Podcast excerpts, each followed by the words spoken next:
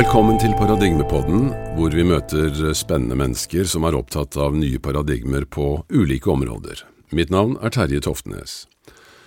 I dag så sitter jeg sammen med nok en spennende person her. Det er David Storøy. Velkommen, David. Jo, takk. Veldig hyggelig å ha deg her.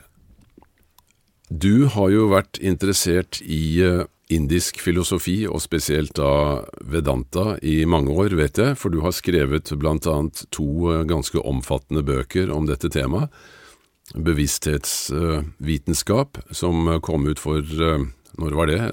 Eh, 2020. 2020, ja. Og så har du også ganske nylig lansert boka Bahagwad Gitas visjon.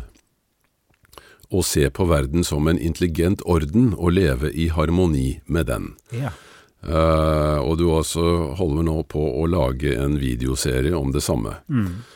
Eh, så dette syns jo jeg også er veldig spennende, fordi denne gamle kunnskapen inneholder eh, veldig mye som rimer bra med det vi nå også eh, skal vi si, ser innenfor den nyeste fysikken. Da.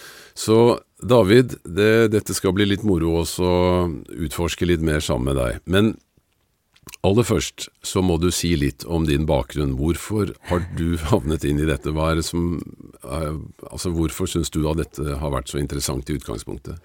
Eh, nei, altså, jeg har, jeg har jo vært en, eh, holdt på å si, en åndelig reisende, pilegrimsreisende, holdt på å si, i, i, Norge og verden, holdt på å si, i 30 år, mitt 30 år lange voksne liv, da.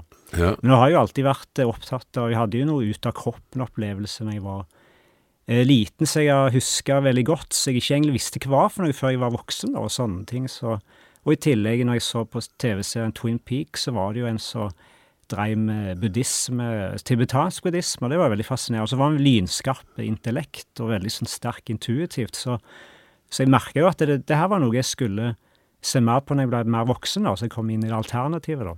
ja, Og så begynte jeg jo å gå på sånn alternativ messe på eh, begynnelsen av 90-tallet, og eh, Folkets hus, og så gikk det over til Oslo Spektrum, og da var det mye sånn eh, det som, ja, det som folk vil kalle for New Age, eller ufo-fenomen, og kanalisering og sånne ting. Det var jeg veldig opptatt av i starten, og så etter hvert så var det sjamanisme, mindfulness, ayurveda, yoga, og så etter hvert så kom jo eh, vitenskap og eh, altså ikke-dualisme, da. Så jeg var jo Mm. i sånne samme type kongresser som jeg vet du har vært på i USA, da. Så var ja. Altså science non-duality, eller vitenskap og ikke-dualitet, og det er jo og det, og det på en måte skapte sånn gnist til meg. Det var egentlig Deepak Chopra som på en måte in introduserte meg inn i Vedanta, da. mhm, Sammen med disse kvantefysikerne som også var veldig opptatt av Vedaene og Vedanta. Så jeg var veldig sånn Hm, dette var noe jeg har lyst til å se litt nærmere på. Eh, selv om han, altså Deepak Chopra han har jo sin versjon å forklare, så tenke sånn at kanskje er det noe mer dypere her, og så, vil jeg, så kanskje vil jeg komme fram til det etter hvert. Og så plutselig så bare skjedde det at jeg fikk eh, møte en eh, åndelig lærer, da, og jeg var, i- så har jeg vært eh, flere steder, blant annet i India 2017, da, så, så, og det ga meg en sånn voldsom eh, inspirasjon til å undervise eller formidle dette, da, så det er jo mm. ja. Mm. ja, det er jo en eh, Det høres jo ut som du har vært på en spennende reise. ja. Også det at du har vært i, i India et par ganger, så, Mm. som jeg skjønner. Men du, dette med Østens filosofi, det er jo et, et stort, brokete tema. ja.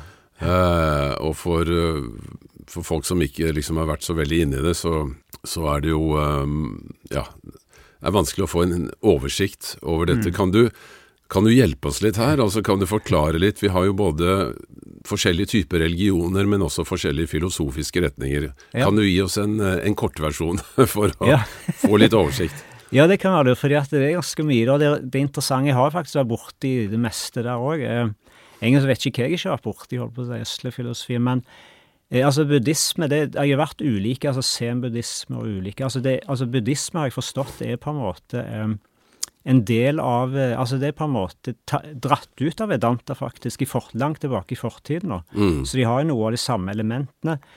Eh, forskjellen er vel at eh, de har vel ikke en tydelig sånn forståelse for universets årsak. Der er de litt mer kanskje eh, diffus og sånne ting, men de har ganske like i forhold til dette med Altså skapelse har de at dette det er begynnelsesløst og sånne ting. Mm. er så kvantefysikken viser at det er åpen for. det.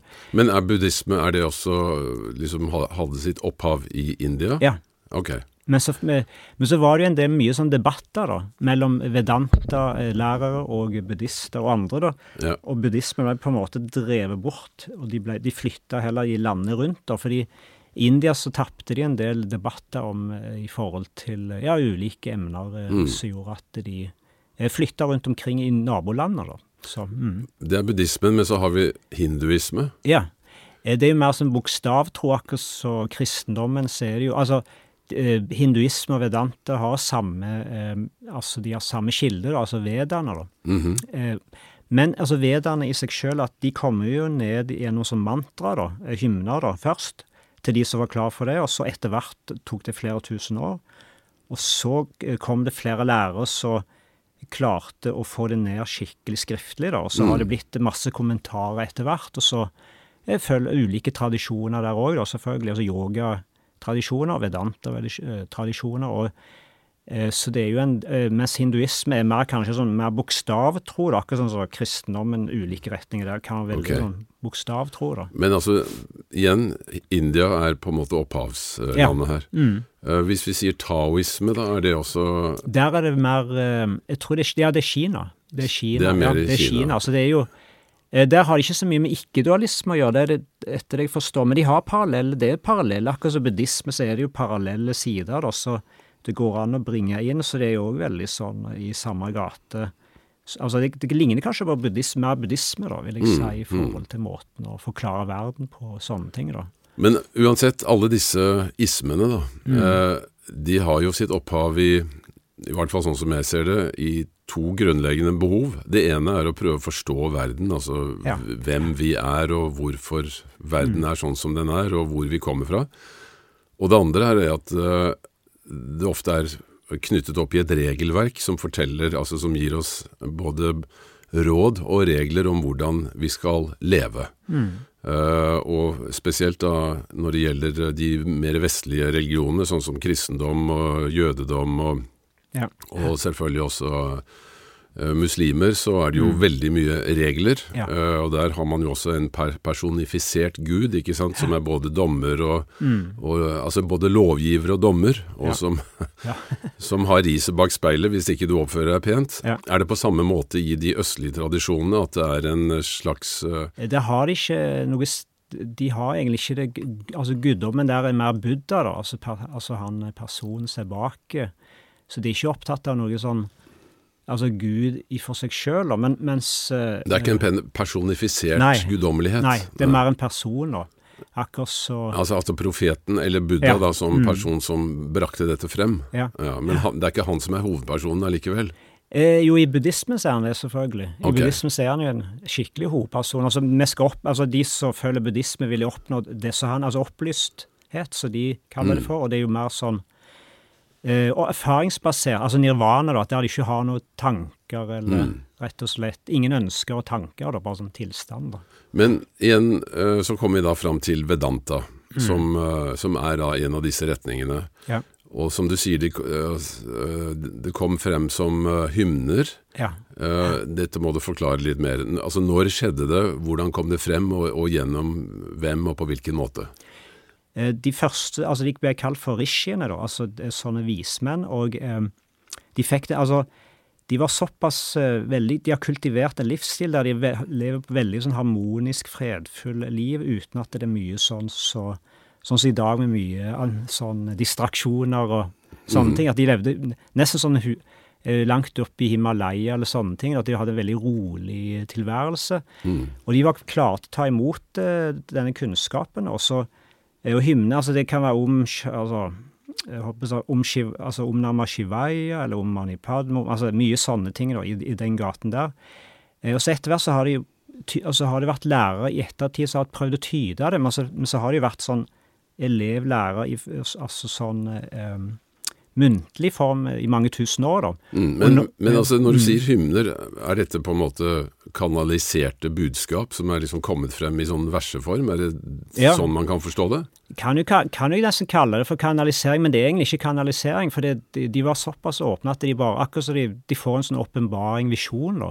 De får det ned, og så så vet de at dette her ikke fra Dette kom til de, og det kom ikke fra noen mennesker. da, altså Det kom til de, det, så det er òg det, det, det ordet som aparosheia janan betyr at det, det kommer til mennesker og ikke fra mennesker. Så det er òg et sånt perspektiv, så de har skjønt at det her er noe som kom rett fra kilden. kilden altså. Ok, Så det kom på en måte fra en, en, annen eh, dimensjon, eller en annen verden? Altså ikke fra denne fysiske, materielle Nei. verden som vi identifiserer oss med? Nei, så det kommer på en måte ut av det blå, holdt på å si. Altså, mens de har skjønt at det, det er jo det så, altså, det er jo den holdt på å si, kraften, intelligensen og kunnskapen som eh, tilrettelegger alt, da. Mm. Så på en måte men, men, når, altså, du sier noen tusen år, har man mm. klart å tidfeste dette mer nøyaktig? Nei, altså, det, jeg tror det er veldig vanskelig å tidfeste skikkelig. Men noen prater med altså Bhagavad Gita er jo noen tusen år, og de snakker jo om kanskje 3000-5000 år, men jeg, jeg, tror det er enda lenger enn det. altså det, Så det er veldig okay. vanskelig å tidfeste og sånne ting. Det har vært så mye muntlig mange tusen år. Ja. Så jeg tror det kan være Så det gikk veldig mye på fra munn til munn først, før ja. det ble skrevet. Mm. Når begynte de å skrive dette ned, da? Eh, det var han som er bak eh, det, Jeg husker ikke han person, eller holdt på å si han som har skrevet ned altså signert Jeg lurer på om det er Viasa eller noe sånt i forhold til Bhagavad Gita. Men så, har, så er det jo hans hovedperson som har vært kanskje den mest dyktigste å skrive ned. Det er jo han eh, Adi Shankaracharya, da. Så han er jo Det er kanskje det mot både moderne lærere og eh, i dag, og på 1900-tallet. Eh, de har nevnt at det, det, er han som, det var da det virkelig begynte å skje i forhold til mm. Fordi han klarte å skille mellom det som eh, altså det som var nødvendig å ha med, og ikke nødvendig, Han klarte å skille mellom det som var bra og ikke bra, og sånne ting. Og så det var det mye debatter, mm. ulike emner på den tiden, og så gjorde at da buddhisme forsvant ut der, og sånne ting. Men eh, Så han Shankaracharya, han var vel en av de kanskje skikkelig første, da. Akkurat. Upani, skrev masse sånne Upanishade-tekster. og eh, Altså, det er jo slutten av alle vedaene, da. Så. Ja. Mm. Men altså, en veda er da eh, altså Bare for igjen å klargjøre uttrykkene her. Hva ja. er da en veda? Eh, det er på en måte det, altså det, Som jeg nevner, at det er alle hymnene og altså Det kommer fra alle disse hymnene og um, det, Altså det er hovedkilden til både den, altså det Vedanta og eh, hinduisme, da. Men allikevel ja.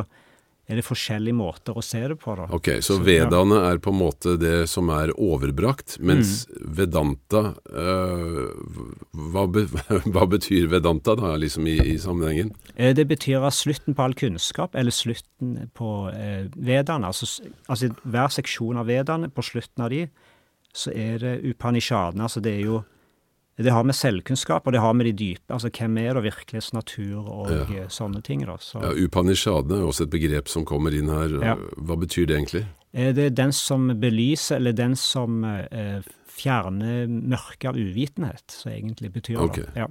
Selvkunnskap. Ja. Så, men så har vi dette begrepet Bahagwad Gita, som, som altså også er navnet på denne boken din. Mm. Hva er det? Eh, det betyr altså den guddommelige sangen, da. Så det, altså det, igjen, det kommer egentlig ikke fra oss mennesker, men det kommer fra en mer eh, Ja, vi kan altså, kalle det for universet, Gud, eller um, I Vedanta så kaller vi det for all kunnskap, all intelligens og all kraft, og det er på en måte det, det som på en måte tilrettelegger alt som er mulig og i potensial er mulig å skape her, som allerede er i potensialform. Så det er jo Ok. Ja. Mm. Uh, hvis vi skal gå litt inn på selve skal vi si, den grunnleggende filosofien i dette, da. Mm. Uh, det tar veldig utgangspunkt i fire grunnleggende mål som menneskene har. Mm, ja. Kan du fortelle litt om det? Uh, ja, altså det er fire sånn universelle mål som alle har. da, altså Det er jo ja, det, altså det første er jo trygghet og sikkerhet, det er jo noe alle vil ha. Og det samme er jo altså, Når en har det, så vil, så vil en søke etter mer nytelse underholdning at en har det bra, da. Mm -hmm. Så trygghet og sikkerhet er liksom det, ja, det er mest primære ja, behovet? Så lenge en har det i orden. Er det tredje er dyde, og altså gjør ting Altså gjør noe bra for verden. da. Så mm -hmm. Det er nummer tre. Og uh, nummer fire er jo frigjøring, da, som er på en måte hovedmål som alle ubevisst bevisst uh, følger. da. Egentlig så er det ikke trygg, trygghet, sikkerhet, um, nytelsesunderholdning og sånne ting vi er ute etter, men det er mer at uh, avkall eller frihet fra utilstrekkelighet, utrygghet, usikkerhet. Altså frihet fra det, Ja. det motsatte, på en Ja, måte? det er Ja. det som jeg egentlig ønsker, da. Ja. Nei, altså Det er jo veldig naturlig. Det er jo det vi alle ønsker. Vi ønsker å være fri for bekymringer og fri for uh, alt det som holder oss eh. Mm. nede, da, eller tilbake. Ja. Eh, det finnes mange forskjellige typer fotlenker i denne verden Ja, ja. som, vi, Det som vi ønsker å fri oss fra. Så Ja. det, det der behovet for å føle seg fri, mm. jeg er helt enig i det. Det er, må jo være et av de mest grunnleggende det det behovene vi har. Ja. I tillegg til trygghet, selvfølgelig, og, og Mm. også ja, disse andre tingene. Men ja, så er det dette med universets årsak, som du så vidt nevnte. Mm. Um, hvordan forklarer Vedanta det? Hvordan har det hele oppstått?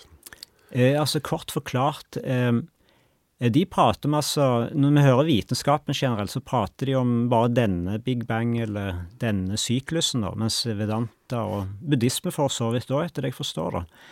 Eh, de prater om at alt er begynnelsesløst, at det har vært uendelig mange eh, skapelsessyklus. Altså, altså holdt på å si mor og barn og far og sønn og alt det der. Altså, og høne og egg. Altså, vi tenker på hvem som kommer først av høna og egget. Mm. Eh, Da tenker vi veldig ut ifra sånn lineær tanke. Altså ok, nå kom kanskje høna, eller egg kom kanskje før høna videre, men da tenker vi veldig lineært, altså fra start til mål, mens Vedanta er opptatt av at vi skal se mer syklisk, og det vil si at det er ikke noe begynnelse, og det er ikke slutt, egentlig. Så Men det er jo egentlig helt umulig å forestille seg. Altså, I Ja, hvert er fall i vår 3D-verden. da. Mm. Eh, jeg, blir jo nesten helt dårlig hvis jeg skal begynne å tenke på at noe er uendelig, eller at noe Ja. ikke har en begynnelse og ikke Mm. har en slutt. Det får nesten sånn guffen følelse i kroppen når jeg skal tenke på det. Ja, det er Fordi det er sånn helt uvirkelig Altså, Ja. det går nesten ikke an. Ja, for det, det, altså, det som Vedante gjør, altså den utfordrer skikkelig, for det er en radikal undervisning, det er ingen tvil om, fordi den utfordrer alt vi ser, altså persepsjonen vår, alt vi erfarer, alt i endring, og, og viser oss at det, vi er jo ikke alt det som vi erfarer, og i forhold til skapelse og sånne ting. eh, Det som gjør at jeg eh, er på en måte veldig Altså det, at eh, jeg har lite tvil på det, da. At det, Mm.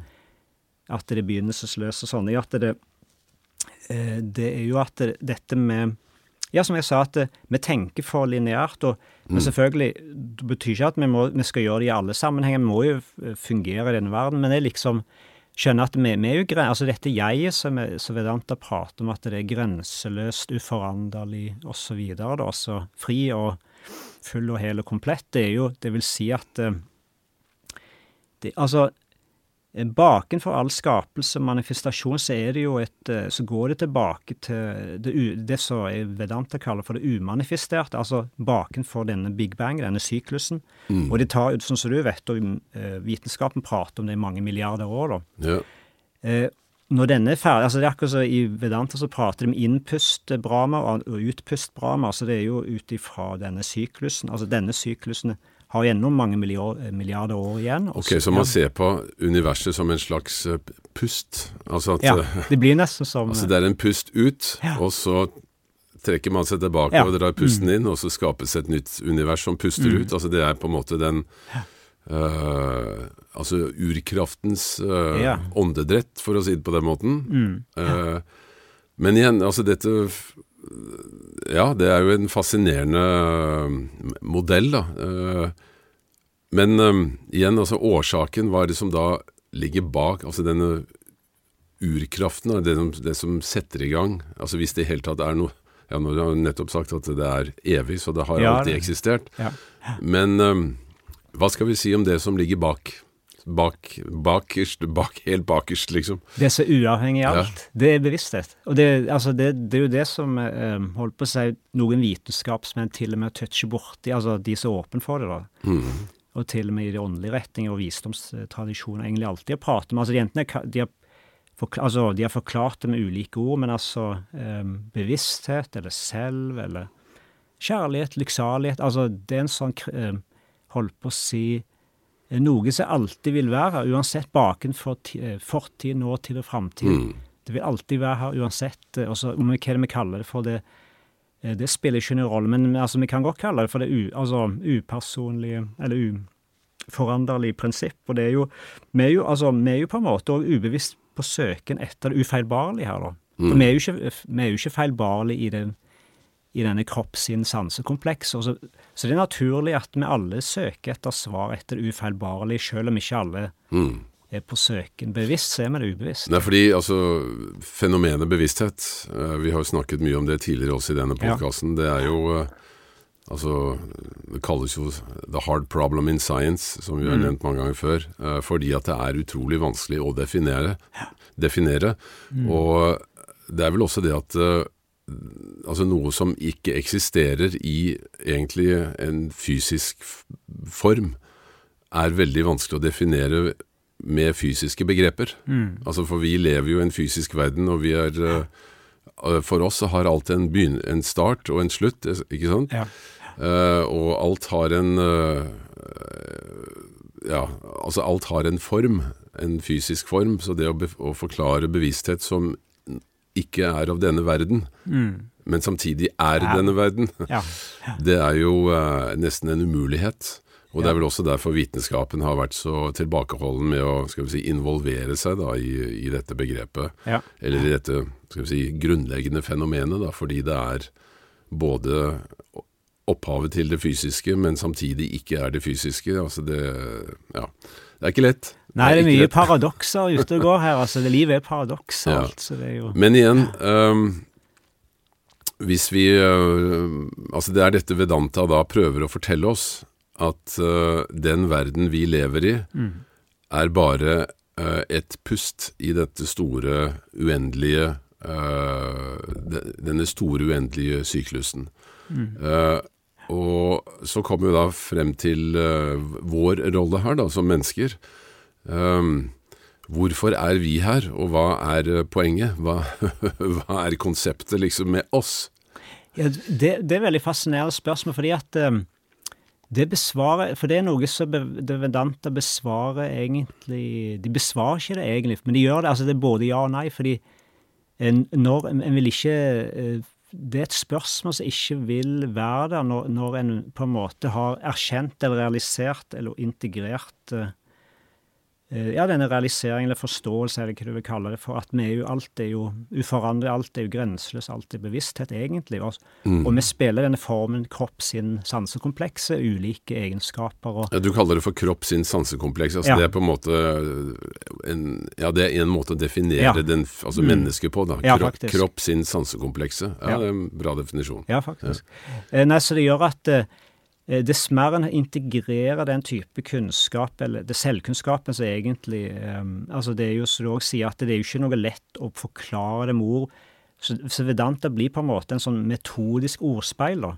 Fordi at det, det er jo egentlig det er jo noe uforklarlig, som du sier, fordi at det er jo bakenfor ord og alle former, da. Men allikevel så paradoksalt så er det jo gjennom, det er jo allestedsnærværende og alt gjennomtrengelig. Så, det, så det betyr jo at eh, dess mer vi integrerer denne kunnskapen, som jeg forstår det som, eh, så, så, det, så vil det mer og mer falle denne spørsmålet eh, hvorfor vi er her og alt det der. For det, det blir jo mer sånn OK, hvorfor skapte Gud eller en eller annen ja, kraft, eller hva som kaller det for dette her? Eh, Gjorde han det for underholdningens skyld, eller gjorde han det for altså, det, altså det finnes, altså Meningen bak alt dette her, det, det kan jo definere ulike, men i Vedanta så er de opptatt av at vi vil ikke eh, stille det spørsmålet lenger, fordi at det, det, vi, skjønner at det, det som er meningen bak eh, alt dette i livet, er på en måte vi skal realisere hvem vi er dypest sett, og da er det ikke da, er, da, da forsvinner jo det spørsmålet. Det er det som fascinerer. da. Det er litt sånn, det er litt morsomt, da, syns jeg. da. At da forsvinner jo det spørsmålet generelt sett. For da, for da, ja, da er det jo ikke noe egentlig. Men det betyr ikke at han ikke eh, Det betyr ikke at han kan alt. Altså på en måte all kunnskap, kraft. For må jo spille ut ifra den rollen vi har da, her i denne verden, og det er jo begrensninger, da. Mm. Og vi er jo f- feilbarlige i den rollen. Eh, Men allikevel, hvis den, har, den personen eh, som går den visdomstradisjonsveien, eller visdomsveien, da, så, eh, så vil en ikke stille det spørsmålet lenger. Fordi det, det, for det har en på en måte funnet det som er meningen bak meningen med stor M. da. Og da er det Ja, alt er jo bevissthet her, liksom. Så da, da skjønner en på en måte hva det, hva det egentlig er sånn noenlunde da, i den menneskekroppen. kroppen. Så det er jo Men det kan jo det kan være provoserende for noen også, selvfølgelig, å høre det, men Altså Det er ikke enkelt. Nei. Er, jeg, er, jeg må innrømme jeg Ja. det er veldig vanskelig å, liksom å, Ja. å, å fatte Fordi, igjen, altså fordi jeg lever i en 3D-verden, så, så er jeg sånn automatisk så prøver du å liksom å få litt orden på ting og få en oversikt og putte ting Ja. i båser, ikke sant? Og når du Sånn at eh, jeg må jo si at jeg syns dette er både utrolig fascinerende, men samtidig egentlig litt forvirrende. Ja, det skjønner jeg. Fordi det er, eh, det er liksom Det er så lite håndfast. Ja, det er Eh, det. Mm. men, men igjen, da. øh, du nevner også i denne boka di, da, Bahaga, Bahagavad Gitas visjon, mm. uh, uh, hvor du forteller om disse tre tilstandene som vi mennesker øh, befinner oss i. Øh, si litt om det. Ja, for det er jo altså våken tilstand, sånn som vi nå, da, nå er vi våken tilstand. Ja, Det er den vanlige tilstanden, altså vi ser jo At vi observerer verden rundt Ja, oss, og, fysisk, og samtidig som vi også kan kjenne på tankene våre og sånn, ikke sant? Ja, så det, er den, så det er den vanlige verden, holdt på å si. Og så er det drømmeverden som alle opplever, det er jo, og det, da på en måte går en gjennom alt, altså ens vaner, tendenser, inntrykk, som en eh, får gjennom i den vanlige våkentilstand. Og i tillegg så kommer det også selvfølgelig eh, den, Vi har jo en karmastrøm med oss i Altså, vi ser jo barn som om det er uskyldig og at de ikke har noe med seg, men de har likevel noe med seg. De har en karmastrøm med seg. Altså, hva mener du med det? Altså, Karmastrøm, det er altså informasjon eller som fra tidligere liv? Ja, tidligere liv? liv. Ja, Ok. Altså, I Vedanta kaller det vi for vasana, så det, det oversettes ulike ting. Altså programmeringer, vaner, tendenser, inntrykk. Altså Mhm. det som de har med seg, det som de har gått gjennom og lært. Okay. Og så skal, det skal de ta med seg videre. Kanskje ting som ikke de har lært. Det Men, men nå er Mm. vi plutselig inne på en mening her. Altså at uh, vi er her for å lære, eller for å bygge videre på det vi Ja. har lært i et tidligere liv. Er det øh, liksom en del av konseptet? Iallfall i denne vil si det at det, altså det er jo lineære verden, holdt på å si, den verden vi lever i, så er det jo på en måte å leve ut eh, våre ting som vi har i vår bagasje, da. Karmisk bagasje òg, kan en kalle det for. det. Mhm. Dypest sett. Så det er jo som frø som spilles ut, og vi har et Så da vil vi naturlig eh, inn, eh, tiltrekke oss eh, ting og tang utifra, men det er jo så mye som spiller inn i, i denne verden her, så vi Mm. kan jo ikke si at eh, det er jo ikke alltid lett å se hva en far skal erfare, men det er jo sånn en vil se, da. Mm. Men i, tilbake til drømmetilstand, altså det er jo en, det oppsamlingsheatet av det en går gjennom i en våken tilstand. Fordi Ja. jeg har jo alltid lurt på det, hvorfor uh, vi drømmer så utrolig rikt. Og jeg må jo Ja. si at uh, uh, Altså nå er jeg heldig, for jeg er veldig sjelden jeg har sånne ekle marerittaktige drømmer. Så jeg syns jo nesten Mm. Samme her, da. Jeg, synes er nesten, Ja. jeg, jeg tenker sånn, jeg gleder meg til å gå og legge meg Ja. hver kveld, for da skal jeg ut på en, nok en spennende reise Ja, og treffe folk som jeg både kjenner fra før, og veldig mange nye som jeg aldri har sett før. Og det er noe som jeg syns er utrolig rart, at jeg kan altså se helt tydelig mennesker som jeg aldri har sett før. Altså helt altså klare bilder av mennesker, og jeg får kjenne hvordan de er, og hva slags person Det er Mm. nesten som å møte dem på, i virkeligheten. Ja, det er det. Men uh, hvor i huleste kommer dette her fra? Det rare er at det er fordi det blir akkurat som med den der eh, edderkoppen og spindelvev som du har uh, Altså den Altså at i drømmeverden så er det vi som på en måte er edderkoppen. Ok, Så kommer jo alle de altså drømmesekvenser kommer fra oss, egentlig. da, Altså vevet, da. Drømmeveven. Men det, men det kommer jo på en måte, som jeg sa, oppsamlingshit fra, fra den våkne tilstand, og i tillegg så kommer sikkert andre ting som spiller inn. Kanskje kollektive ting òg, selvfølgelig. Det vet jo ikke alt om det. Og der òg er det sikkert mer å hente informasjon. Men, men det, det har jo helt opplagt en eller annen funksjon da i, i menneskekroppen. Oh, yes. Ja. Altså at det er en form for databehandling, Ja. rett og slett. Ja, for det, den vil jo få Altså, holdt på å si, livet er jo fullt av hint, holdt på å si. Altså, en får hint om ting en skal gå gjennom der, og bearbeide Oi, ting en skal gå gjennom, se litt mer på Altså, det Altså, egentlig så er det ikke Altså, i Vedanta så har de en holdning at det, det er jo nesten ikke noe forskjell mellom den våkne og drømmetilstand. Altså, selvfølgelig, det er jo Vi kan jo fly i drømmetilstand. Vi kan gjøre med kanskje mer ting da, enn vi ikke kunne gjøre her, da. Eh, Men her er det jo mer håndfast, så det, så, så det er akkurat så en, en, en som går som visdomsvei. han vil For en sånn person så vil ikke det, det være noe særlig stor forskjell på det, eller åndelig erfaring, at det er jo hint om ting en skal lære, da. Og det er jo veldig Ja. mange som eh, har hatt nytte av ting som de har drømt. Mm, absolutt. for eksempel Paul McCartney, som Ja, drømte melodien til eh, en av de mest kjente Ja. sangene i The Beatles, 'Yesterday'. Han våknet opp og hadde den i hodet. Ja. Um, og det er masse altså, folk som går og legger seg med Om de er uh, jobber med tekniske problemer eller med mm. sosialt uh, rettede problemer, ja. og så legger du deg, og så plutselig så våkner du, og så, du, så er løsningen klar, ikke sant? Ja, så det Så, nei, så det, det er jo et fans... En, altså, ja, det har vært en egen podkast egentlig å snakke om drømmer. Drømmer, ja. Mm. Men, uh, men dette er altså den når vi snakket om våkentilstand som den ja. ene, og så har du mm. drømmetilstanden som den andre, ja. og den tredje tilstanden, hva er det? Ja, den er interessant, for det er jo eh, Det er dyp, eh, altså dyp eh, søvntilstand, og det er jo en, en tilstand vi egentlig ikke oppfatter For det, både altså kroppen og sinnet vårt er jo ikke i i den tilstanden, for den er på en måte mer Altså, det er mer frøet vårt, på en måte, altså i den, ut ifra hva som kaller det for altså det, Men det er no, altså når vi sover dypt og, ja, og ikke, ikke drømmer? drømmer? Ikke drømmer, da. Drømmer, det er ikke drømmer. Er ikke... Hvordan vet man at man ikke drømmer? Ja, det er et godt spørsmål. fordi eh, det, en av de tingene er jo på en måte at det, som du sier, nevnt, du nevnte noe om god natts søvn. Det er jo en av de eh, på en måte Hva skal vi kalle det for en av de eh, hintene, eller, eller skal vi si tegnene, da. Mm -hmm. Men i Vedanta er du veldig tydelig på at det er jo, altså der er det jo um, Det er lykksalighet og grenseløshet, for det er jo all, all, altså, all skapelse, potensial, blåkopier som er mulig å skape. altså eh, Alt som er mulig å skape her nå, eh, ville aldri vært mulig hvis ikke det var allerede der i potensialform. Det er jo Vedanta veldig tydelig på. At, sånn at ja. alle fysiske skapninger kommer fra noen allerede eksisterende potensialer, det er ja. det du sier? Mm. Så uh, alt fra frosken til gresshoppa til ja. mennesket er, eksisterer som en, eh, en ferdig på, uh, Altså, arkitekttegningen mm. finnes fra ja. før, mener mm. du det? Ja.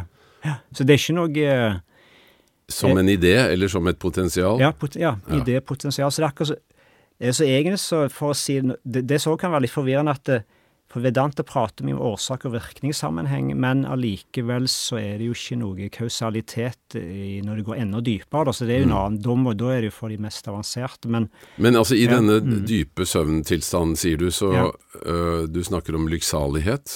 Altså mm. vi da føler at uh, altså det er ikke noen problemer, det, alt er bare uh, velvære og velvære. tilfreds. Ja. Føler seg full og føler at den er Er dette noe som på en måte, skal vi si, moderne psykologi eller drømmevitenskap kan bekrefte at det er sånn?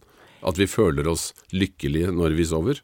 Eh, nei, det er vel kanskje Det har ikke jeg eh, fått meg, i alle fall. Så jeg tror det er noe som Vedanta er en av de få stedene som er og virkelig eh, har forklart det. Da. Så jeg, ja. eh, men eh, holdt på å si men det er kanskje det at når mm. du våkner opp etter en sånn dyp søvn, da, mm. så føler du deg jo liksom uh, Ja, jeg føler fresh. fresh. Men det er også fordi at alle de si, fysiske prosessene i kroppen har fått ja. mulighet til å tilbakestille seg, da, og rensesystemene har mm. fått tømt seg. Og, ja. Så det må jo være noe med kroppens generelle velvære òg, da. Ja, det er det. Så, så ja. det er jo det blir nesten som en sånn uh, zen-buddhistisk nullstilling, at vi nullstiller oss. Og så mm. kan jo òg si sånn symbolsk sett så dør vi jo egentlig hver natt, da. Altså, Vi går jo tilbake til den kilden som egentlig var opphavet til skapelsen av oss. Okay. da. Så du mener altså bevisstheten din er der mens du sover i dyp søvn? Ja. Så er den ikke i kroppen, eller kanskje da et annet sted?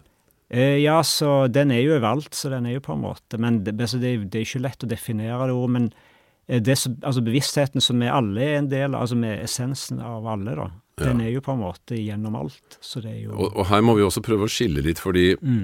vi har jo på en måte Altså når jeg snakker om min bevissthet, så er det, så er det min, eh, skal vi si Våken eh, Min uh, våkne bevissthet, eller ja, for så vidt drømmebevissthet. Altså min Det er så mye lettere å bruke awareness, eller tilstedeværelse, da. Ja.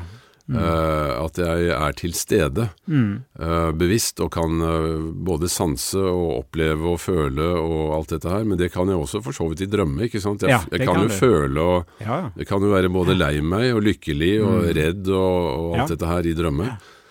Uh, men det er liksom min bevissthet, uh, mm. som da er en del av denne totale bevisstheten. Ja.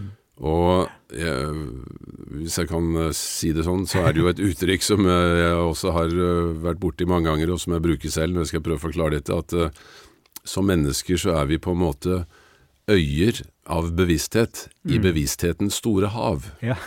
Er du enig i det, David? Ja, ja, det er jo nesten samme som at vi er jo bølger da, i, i dette havet, så du kaller det Ja, for øyer, da. eller bølger, da. ikke Ja, sant? så det er jo i samme grad. vi er en, altså, Vår bevissthet er en del av totaliteten, men Mm. den er individualisert i denne 3D-verden. Ja. eh, Av en eller annen mystisk grunn. Ja, det er en års... Altså, årsna, det er slags årsak-virkning. Men, men, men, men det som du sier, det er jo en evig loop her, da. Så, Ja. så det, så det men eh, hva jeg skulle si i forhold til det med dyp søvn eh, Ja, nå mista jeg kanskje tråden her nå. i forhold Ja, vi- er Ikke alltid lett når det er så subtilt.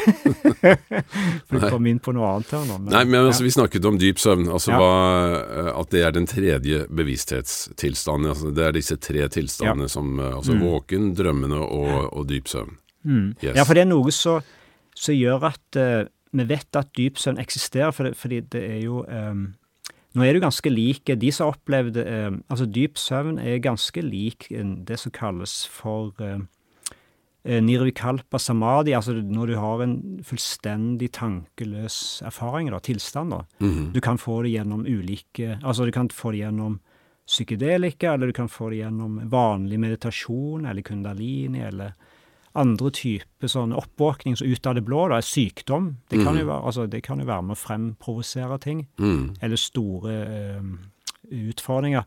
Eh, så det også, så, så det kan jo òg si at dyp søvn er ganske lik det som er samadhi, som vi kom, så eh, nevnes i eh, både Ja, yoga hva er samadhi? Samadhi, ja. Er det en Ja, kom igjen. Ja, Nei, det, altså, det er jo Altså, alt er jo likeverd. Altså, alle objekter vi ser og erfarer, er jo like mye verdt. Så det er jo det det går på. Altså, hvis vi deler opp sama, altså, de det kommer forbud i, det har jo vi Altså, vi vet og vet vi at alt er på en måte likeverdig, og eh, det er ikke noe Altså, det er ikke, nå går vi veldig dypt her, da. Altså, det er ikke noe eierskap. Det er, ingen, det er egentlig, egentlig ikke noen som eier. Vi har jo fått alt dette her i gave, da, så det er jo Da går en virkelig dypt her. Altså, det er, det er ingen som eier alt dette her, da, egentlig. Nei, men, men hva, betyr, hva betyr samadhi, da? For det er jo et uttrykk, et uttrykk Ja, som brukes. Likeverdig. Det betyr at alt, alle objekter i verden som vi ser og erfarer, er like mye verdt. Ja. Og mens i sånn type erfaring, så nirvikalpa betyr tankeløs erfaring, dyp erfaring, da. Ja. Vi kan jo nesten de, de har jo ganske parallelle ting med dyp søvn, for de har jo ikke noen tanker og identifikasjon med Mm, mm. kropp der, da. Men eh, Så det er jo det er Da- ganske viktig. Eh, Ragnhild og jeg var og besøkte noen som da drev dette instituttet i USA som het Noetic Sciences. Mm. Og eh, en av de vi snakket med der, Cassandra Wheaton, som, Mm. eh, som drev det den gangen, eh, hun fortalte at dette med samadhi, eller bliss, sa hun også Ja, det kalte kan jo. Kan Det var noe som de forsket på. altså Folk som hadde da opplevelser av dette, Ja. Eh, var et veldig interessant forskningsobjekt for å, å komme dypere ned og se Mm. hvordan dette Altså, er det mulig å, å, å forstå, eh, også fra et vitenskapelig synspunkt, da, hva dette Mm. egentlig er. Så, Ja.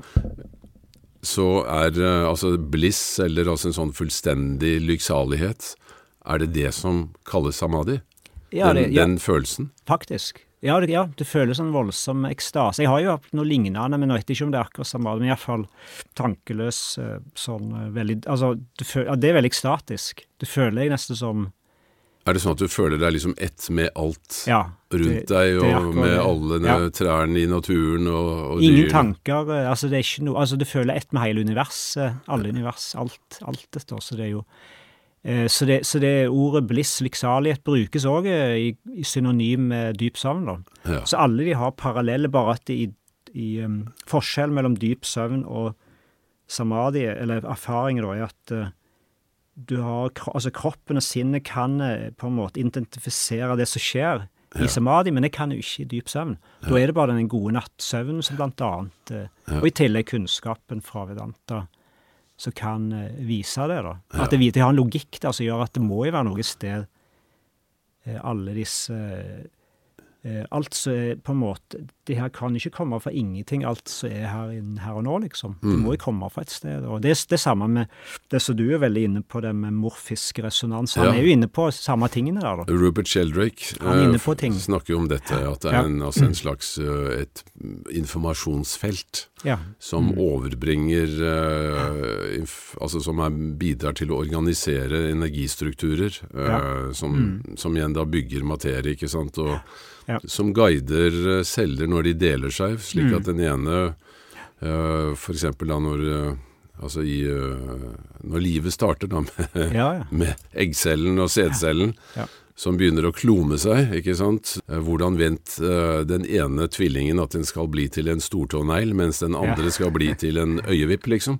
Eh, hvor kommer den informasjonen fra? Så, så hvis du ser på kvantefysikken, så syns jeg de forklarer dette på en, på en måte som nesten er litt sånn lettere å forstå hvis du ser det fra et materielt ståsted. da. Ja. At det er to eh, elementer i tilværelsen, og det er energi og informasjon. Eh, slår du de to sammen, så kan du kalle det bevissthet, men det, bevisstheten presenterer seg da i Ja, den materielle verden som energi og informasjon. Altså energi som da har evnen til å, å, å skape bevegelse, og informasjon som strukturerer denne bevegelsen. Eh, det bildet der syns jeg det er jeg litt komfortabel med. Liksom, det kan jeg klare å forestille meg, da.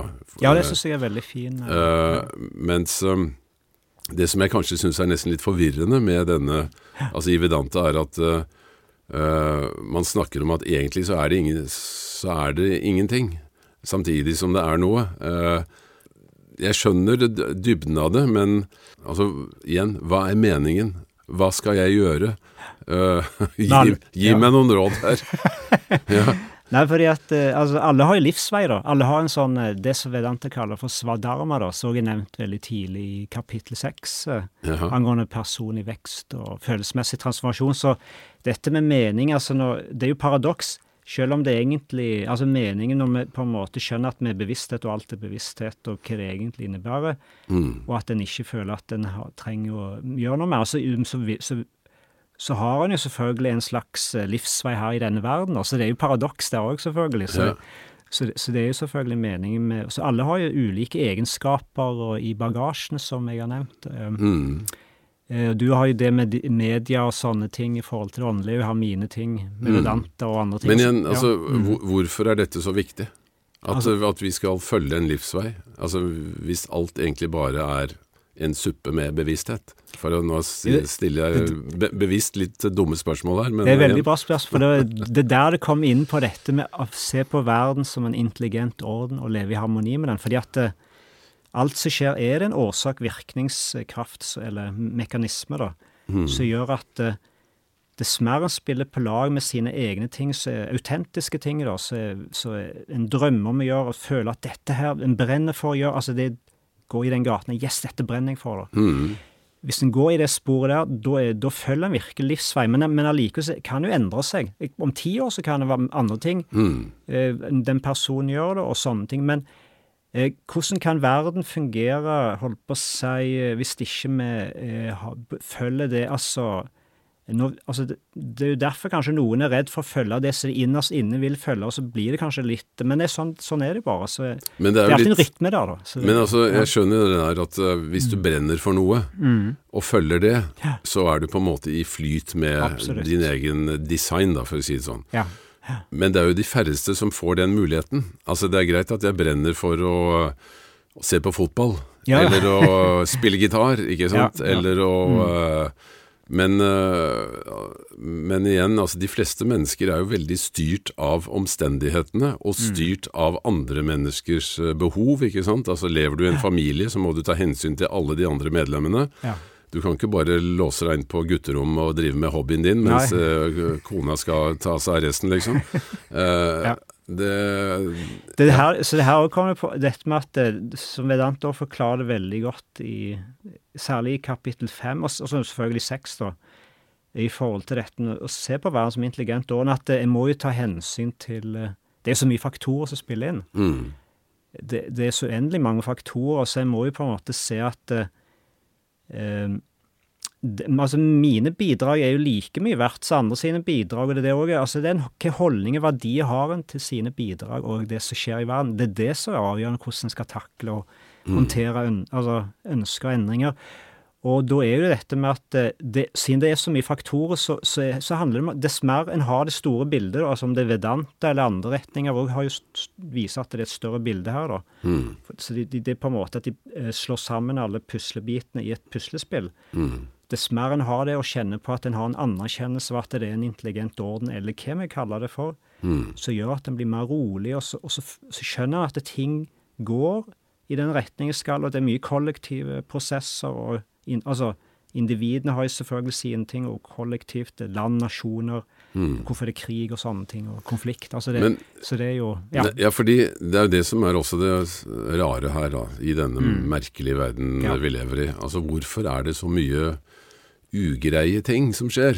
Altså, hvor- Ubehagelig, ja. Ikke bare ubehagelig, men rett og slett jævlig, for å bruke Ja. et eh, kraftuttrykk. Uh, se på disse krigene som foregår nå, ikke sant? hvor folk Mm. Ja. blir liksom ja, myrdet, eh, massakrert. Eh, ja, altså det er jo helt, helt hinsides vanvittig.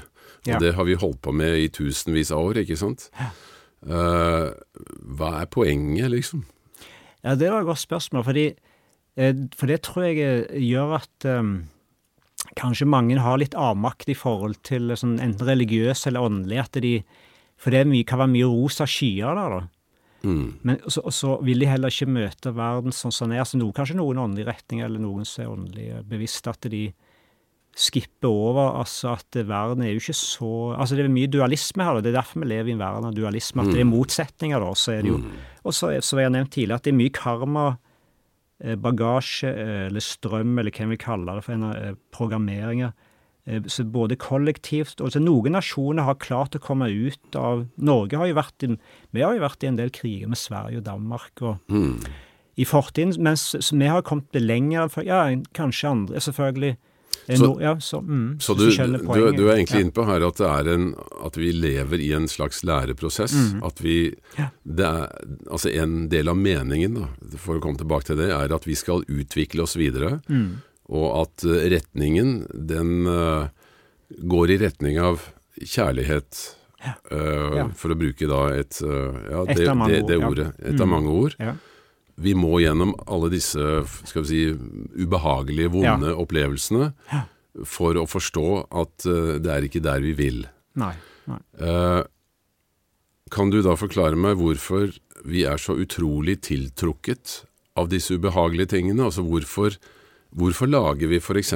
sånne spill for barna våre hvor de får lov til å sitte og skyte på andre mennesker for å drepe flest mulig fortest mulig? Uh, hvorfor er vi så utrolig opptatt av uh, mord på TV? Vi skal, når vi skal hygge oss og kose oss på en fredagskveld, så skal vi først se på noen som blir drept på en best, bestialsk måte, og så er det noen som skal prøve å finne ut av hvem som gjorde det. Liksom. Det er utrolig Altså, vi er så fascinert av det. Ja, det, det altså altså, mens vi egentlig bare vil ha fred og harmoni og alt ja, dette det er jo det så, ja. Det er noe som Det, det er jo rart. Ja, for, for det, vi føler jo alltid at vi skal altså Det er den ene siden som er mye sånn harmonisk side, som du nevner, at vi vil egentlig ha mest mulig liv der vi har, lever i mest mulig harmoni og ro. Ja. Men så er det den urolige siden, at vi føler at vi må alltid skape noe spenning, adrenalinkick, det, det er veldig gøy og sånne ting. da. Mhm. Og at det, det gir en ekstra sånn eh, det, Altså, det kan være bliss i det. Altså, For noen kan det være bliss. Ja, ja. Bare skyte noen, holdt på å si. Jeg har jo selv uh, gått på rypejakt sammen med faren min da jeg var Ja. uh, yngre. Mye ja. yngre. Og den der sitrende følelsen av å, å gå med et gevær i hånden og se om det sitter en eh, rypeflokk bak neste fjelltopp eller busk, det var jo en utrolig sånn adrenalin eh, ja, ja, ja. Så det- stimulerende greie. Jeg syns jo det var kjempekult, ikke sant. Nå syns jeg det er helt forferdelig å drepe dyr for moro skyld, men så jeg gjør det ikke lenger. Men, eh, men den gangen så syns jeg det var liksom helt ekstase, ikke sant. Mm. Nei, så det, det er jo det er veldig altså, Siden vi lever i en verden med mye sånn motsetninger og sånn, og, så er det ulike preferanser hvem vi liker og misliker i forhold til eh, det som gir oss kick og glede og sånne ting. og jeg, altså, jeg, jeg kan jo ennå glede meg, altså ikke fordi at det er noe mord der, men altså sånne krimserier eller spenningsserier, thriller, det kan jo være litt spennende å se. For da prøver en å lese litt kroppsspråk og litt sånn hvem er som er bak, hvem som er, hvem som er morderen og sånne ting. Så det er jo, Men da er det mer sånn psykologiske thrillere. Uh, Det, det er ikke så mye sånn fysiske greier, egentlig. Nei, men i hvert fall uh, Altså Det er jo dette med altså dualismen, da, som du sier, at, mm, og som ja. mange håper å si visfolk har sagt at uh, for at du skal oppleve kjærlighet, så er du nødt til å være et motstykke. Altså det må være et, en mulighet for å oppleve fraværet av kjærlighet. Mm. Ja. Altså For at det skal være noe opp, så må det være noe ned. For at det skal være noe varmt, så må det være noe kaldt, osv. Så, ja. mm. så, så det er jo tydelig at det er en, en forutsetning. Og det er jo Altså for å skape da denne dynamikken i denne verden. Mm, ja. um, og at uh, vi lever da i dette spenningsfeltet mellom uh, både det gode og det onde, det kalde og det varme, og det ja, ja. opp og ned og ut og inn og alt dette her. Fattig og rik og ja. By og land. Altså det er jo, verden består jo bare av sånne eh, motsetninger. Og mm. motsetninger skaper dynamikk fordi ja. det skaper et driv. Altså Enten så ønsker du å gå i den retningen eller den andre retningen. Det skaper en fremdrift, ikke sant. Mm. Kan det være noe av hele hensikten med denne dualismen? At det skaper en fremdrift, en, en trang til å komme videre? Ja, for det, det, er jo der eh, dette med Hvis, hvis det skal bli en sånn som du sier en mer, altså mer medfølende, forståelsesfull person i det, i det sporet, så må en en kjenne på alt mulig rart, holdt på å si.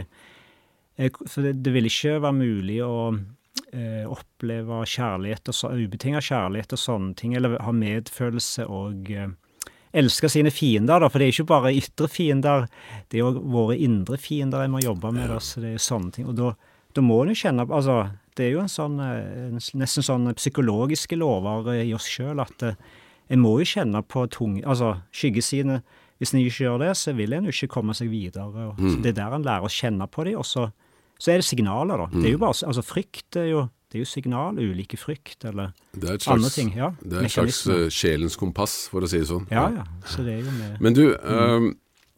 Det at uh, Altså, du er jo nå veldig opptatt av å, å uh, både spre mm. kunnskap om Vedanta, og du underviser også i det. ikke sant? Du ja. holder kurs. Du har mm. skrevet to tjukke bøker. Mm.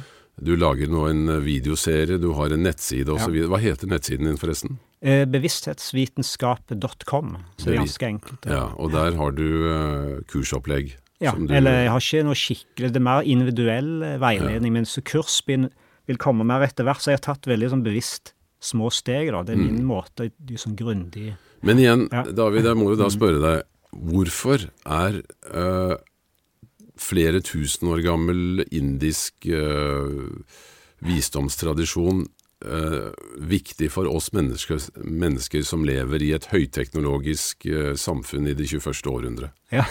Det er et veldig bra spørsmål, fordi eh, jeg, jeg ser, altså, For meg altså, er det jo tidløst, da. Altså Hvis det er noe som er tidløst altså, det, Jeg ser for meg at eh, de fleste, eller så å si ja, de fleste visdomstradisjoner, åndelige retninger, er jo veldig tidløse. Så handler det om å tilpasse seg den verden, eller eh, det formatet vi har nå, da. Hvordan vi skal formidle det.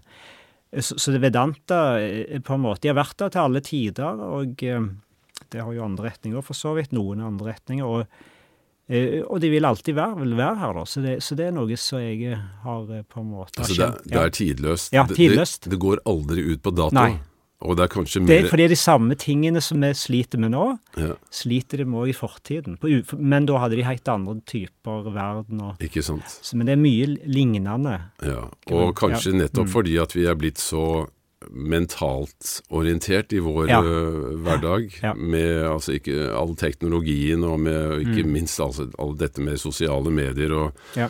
alt det vi bomba, bombarderes med daglig av uh, inputs. Altså bare vi åpner dataskjermen eller går inn mm. på Facebook eller inn på Instagram, så koker det jo av informasjon som vi skal forholde oss til. Uh, kanskje dette med å finne tilbake til grunnmuren, mm. grunnvollene i hele tilværelsen, er nesten mer viktig enn noen gang. Ja, det, Mener du det? Ja, det Altså, jeg hadde jo Det var jo det som var, egentlig var hovedtemaet. Nå fikk jeg vel ikke prate så mye om det, men fordi det, det blir alltid sånn det blir på den messen her, da. Ja, for du har, du har vært på Alternativmessen og snakket om dette i, ja, faktisk, i helgen. Så, ja. ja. For da hadde jeg jo et tema om altså, sunn kritisk sans til informasjonsstrømmen i media og sosiale medier. Eh, så, sånn som jeg ser i forhold til holdning Altså, holdning og verdier har- er alt for meg i forhold til hvordan en skal hva er, vil, hva er det du vil bruke energi på? Hva vil jeg bruke energi på, så jeg har kontroll over? Og det jeg ikke har kontroll over, prøve å se på Mm. Fordi at en, en kan bruke energi på så mye rart, og en kan bi, altså, engasjere seg veldig mye. fordi Men så er det òg å ha en sånn slags uh, Altså, medier er så voldsomt, du òg sier at medier kan være utrolig voldsomt mye informasjon.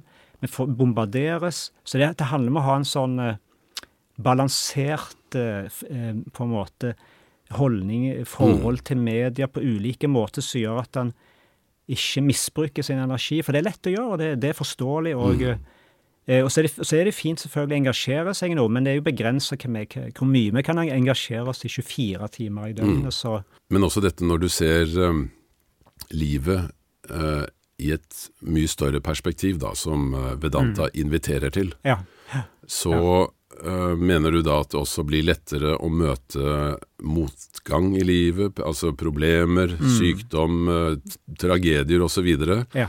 Eh, blir det lettere å håndtere det når du har denne, skal vi si, forståelsen av at alt egentlig er en del av et større spill, eh, og at alt er egentlig Ja, eh, jeg vet ikke hvordan jeg skal si det, men, med, men, men er det et godt hjelpemiddel da, for, Å, ja. for å håndtere sånne situasjoner i livet?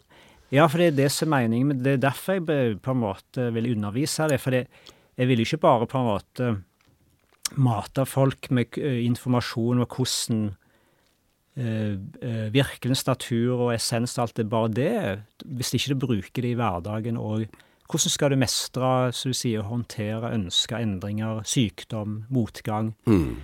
Og der er Vedanta altså Det går jo mye på holdning, verdi, å jobbe med det. Også, Det tar jo tid også å jobbe med det over tid, men det er mer enn på en måte kultivere en livsstil der eh, en lever med fri, mer, mest mulig fred, harmoni, intelligente liv, holdt på å si, der en bruker energien fornuftig, så vil en lettere òg Men selvfølgelig så har vi disse vaner og uvaner og alt det der som kan spille inn. Og så, og så, og så er det jo viktigheten av repetisjoner, da.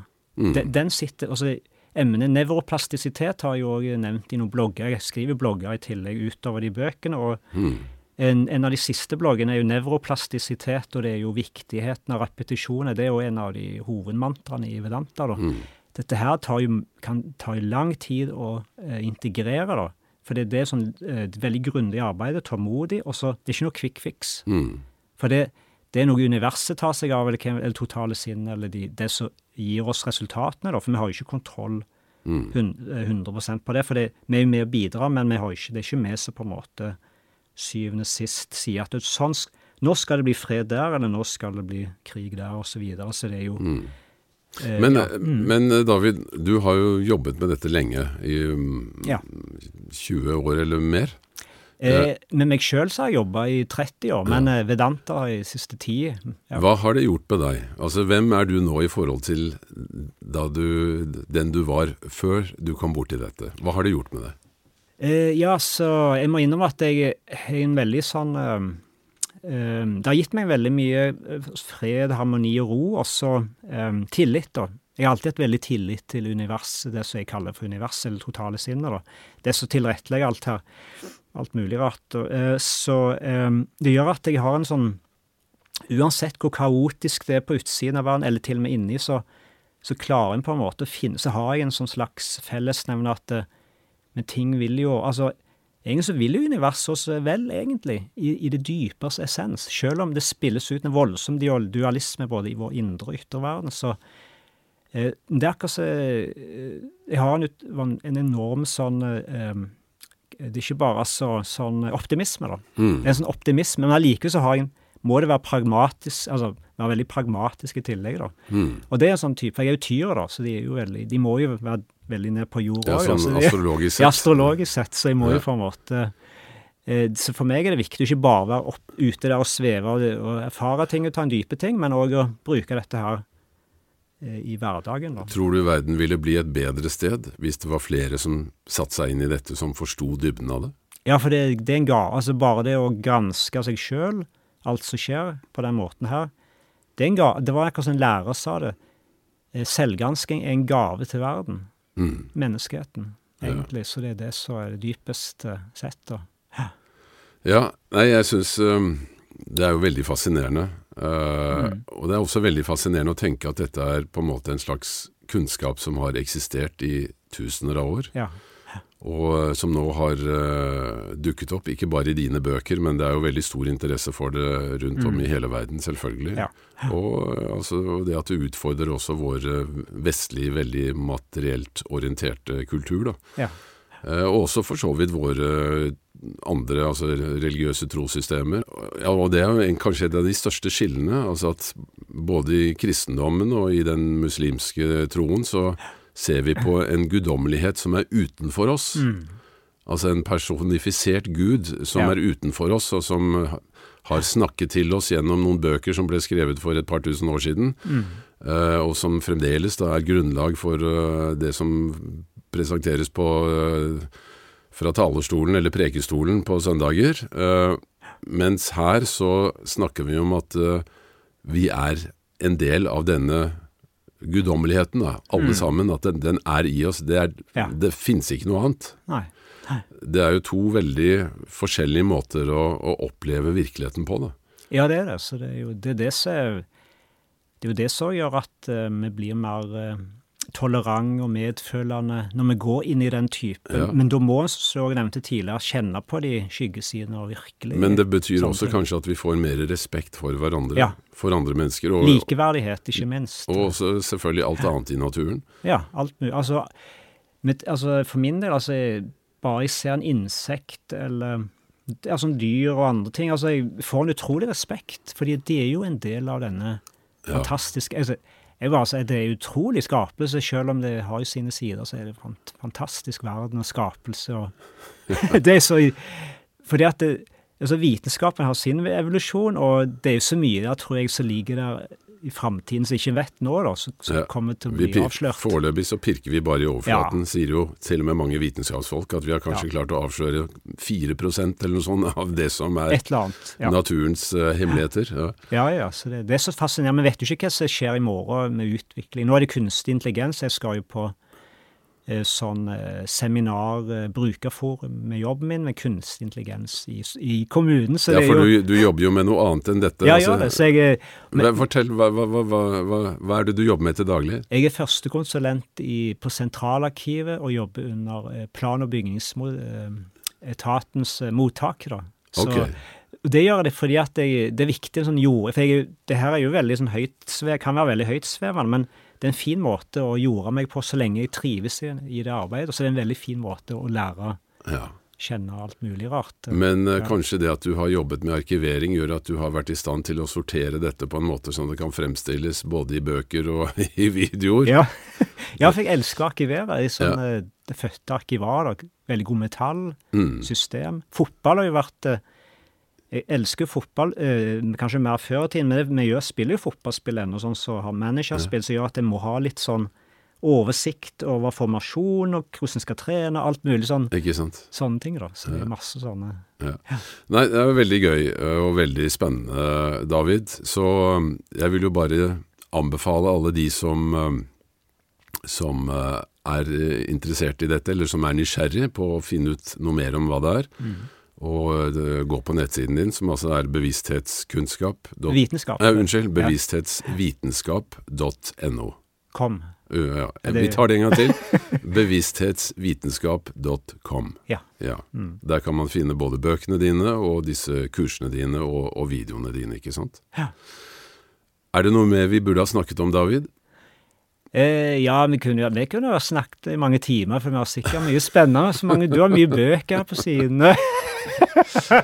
Jeg tror ikke vi hadde et problem på å prate i mange Nei, timer. Det er altså. det. Men i forhold til Vedanta, så tror vi faktisk vært borti grove ting her. Grove trekk. Ja, vi har ja.